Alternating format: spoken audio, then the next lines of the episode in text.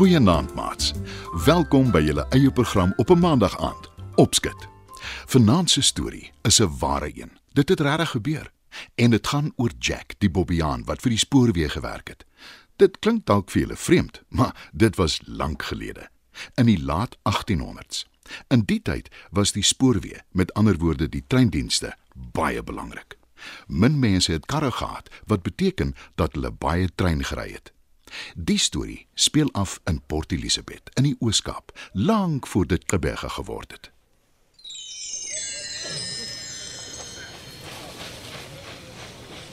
Dis die jaar 1877. James Wild is 'n kondukteur op die spoorweë. Hy is lief vir sy werk. In die tyd is daar stoomlokomotiewe. Die lokomotief is die voorste wa van die trein wat al die ander waans trek. En 'n stoomlokomotief, soos wat die naam sê, werk met stoom. Maar dit beteken water wat in 'n stoomketel is, word stoom wanneer dit deur 'n steenkoolvuur warm gemaak word. Dan is daar 'n suier wat heen en weer beweeg. Daar's ook 'n stang, dis soos 'n 'n soort lang stuurwiel wat die suier aan die trein se wiele verbind en in die ronde draai. En dis wanneer James op sy heel gelukkigste is. Wanneer hy 'n trein op die spoor hou en dit bestuur. Maar hy's baie keer roekeloos, want hy spring gereeld van die een treintrok na die ander terwyl die trein beweeg. Julle kan dink hoe gevaarlik dit moes gewees het. Dis dan ook hoekom James die bynaam Jumper kry. Jump is mos nou spring in Engels, né, maats? Die mense wat saam met hom op die stasie werk, waarsku hom dikwels, veral die meisie wat die kaartjies verkoop. Wil jy nie maar liewer ophou daarmee nie, James? Die dag gaan kom dat daar 'n ongeluk is en dan ek wil liewer nie eers daaraan dink nie. sê sy meer as een keer vir hom. Maar dan lag hy net en sê hy is heeltemal te rats daarvoor. Maar toe gebeur daar op 'n dag 'n verskriklike ding. Terwyl James op die roete van Kaapstad na Port Elizabeth van een trok na die ander spring, verloor hy sy balans en hy beland onder die trein. Dis 'n nare ongeluk. Al twee sy bene word bokant die knieë afgetrap.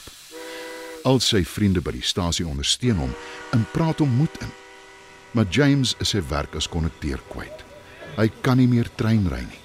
Sy nuwe werk is nou signaalman op Uitenaag. In die jare is treine nie met outomatiese seine en tekens gewaarsku as daar ander treine aankom nie.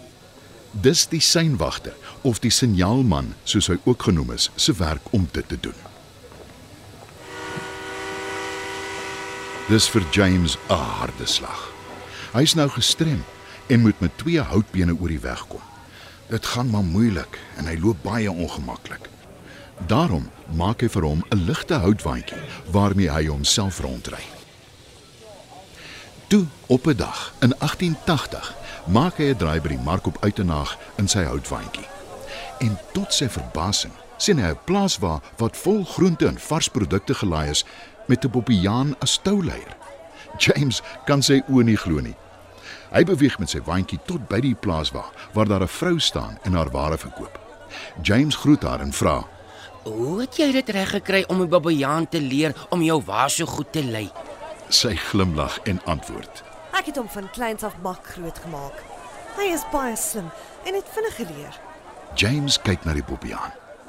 Toe kyk hy na die vrou en hy sê hoopvol: Wat ek nie sal gee om so 'n babbejaan te hê om my te help om oor die weg te kom nie. Die vrou het 'n goeie hart en sy gee haar bobbejaan vir James. James is dankbaar, maar hy keer en sê: Dis te 'n groot geskenk om te aanvaar. Ek moet jou betaal. Die vrou skud haar kop en sê sy kan sien James het die bobbejaan baie nodiger as sy. Sy beduie vir die bobbejaan om James te help en sonder om twee keer te dink, vat die dier die houtwaandjie en begin dit stoot. My huis is naby aan die stasie. Sê James. En toe vra hy: Wat is jou naam? Ek het skoon vergeet om vir die gawe vrou te vra. Ek is nooit gedoop nie. antwoord die bobbejaan. Wel, van nou af heet jy Jack. sê James. Jack gaan saam met James huis toe en hulle word vinnig goeie maats. Jack help James nie net met take by die huis nie. Hy leer kort voor lank hoe om James se waantjie op die treinspore te tel. Hy tel ook ou dwarslers op en dra dit huis toe waar hy dit in die stoorkamer pak, sodat hulle altyd vuur maak hout het. Maar Jack, die Bobbejaan, hou James veral fyn dop wanneer hy in die signaalkamer op die stasie is. Dis waar James die signale of syne verander om seker te maak dat treine nie op dieselfde spoor beland en per ongeluk in mekaar vasry nie. In sy signaalkamer hou James 'n spesiale sleutel. Dis om die treine te reguleer of soos dit ook genoem word, te rangeer. Wanneer 'n treindrywer sy lokomotief tot by die steenkoolmagasyn wil rangeer, dis waar die trein vol steenkool gelaai word, blaas die treindrywer vier kort fluitte. James hobbel dan nader op sy krikke en gee die sleutel aan die treindrywer. Jack sien elke keer hoe James sukkel op sy krikke. En toe, een oggend, toe die Bobbejaan die vier fluitte hoor, vat hy die sleutel en hardloop om dit vir die treindrywer te gee. James kan nie glo hoe slim sy maat die Bobbejaan is nie. En net daarin dan besluit hy om vir Jack te leer hoe om met die signale te werk. Dit vat skaars 'n paar weke en toe weet Jack presies watter een om te gebruik vir watter trein. Aan die begin hou James nog toesig om te kyk dat die Bobbejaan nie fout maak nie. Maar hy kom gou agter dat Jack presies weet wat hy doen en dat hy hom heeltemal kan vertrou. Hy maak eenvoudig nie foute nie. Almal wat op die stasie werk is beïndruk met die slim Bobbejaan. Maar van die trein se passasiers kom dit agter en begin kla omdat 'n Bobbejaan die signaalman se werk doen. Daar is veral een nare hooghartige vrou wat hom aankla by die stasiebestuurder. Dis net nie reg nie. 'n Bobbejaan kan tog nie 'n mens se werk doen nie. Wat as daar 'n ongeluk is? En ek sê jou nou daar sal wees. Wie kry dan die skuld? Raas sy. Die stasiebestuurder beloof om werk te maak daarvan. Hy laat James roep om met hom daaroor te gesels. Ek weet Jack is 'n slim bobbejaan en hy maak nie foute nie. Maar as die passasiers kla, moet ons ongelukkig iets daaraan doen. Wat stel jy voor? sê hy vir James.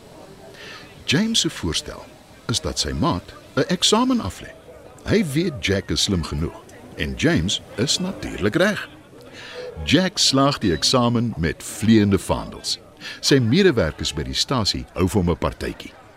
Die meisie wat die treinkaartjies verkoop, bak vir hom 'n koek, Jy is die slimste Bobbejaan wat ek ken. sê sy vir Jack. Ek is al bobbejaan wat jy ken. Terg Jack.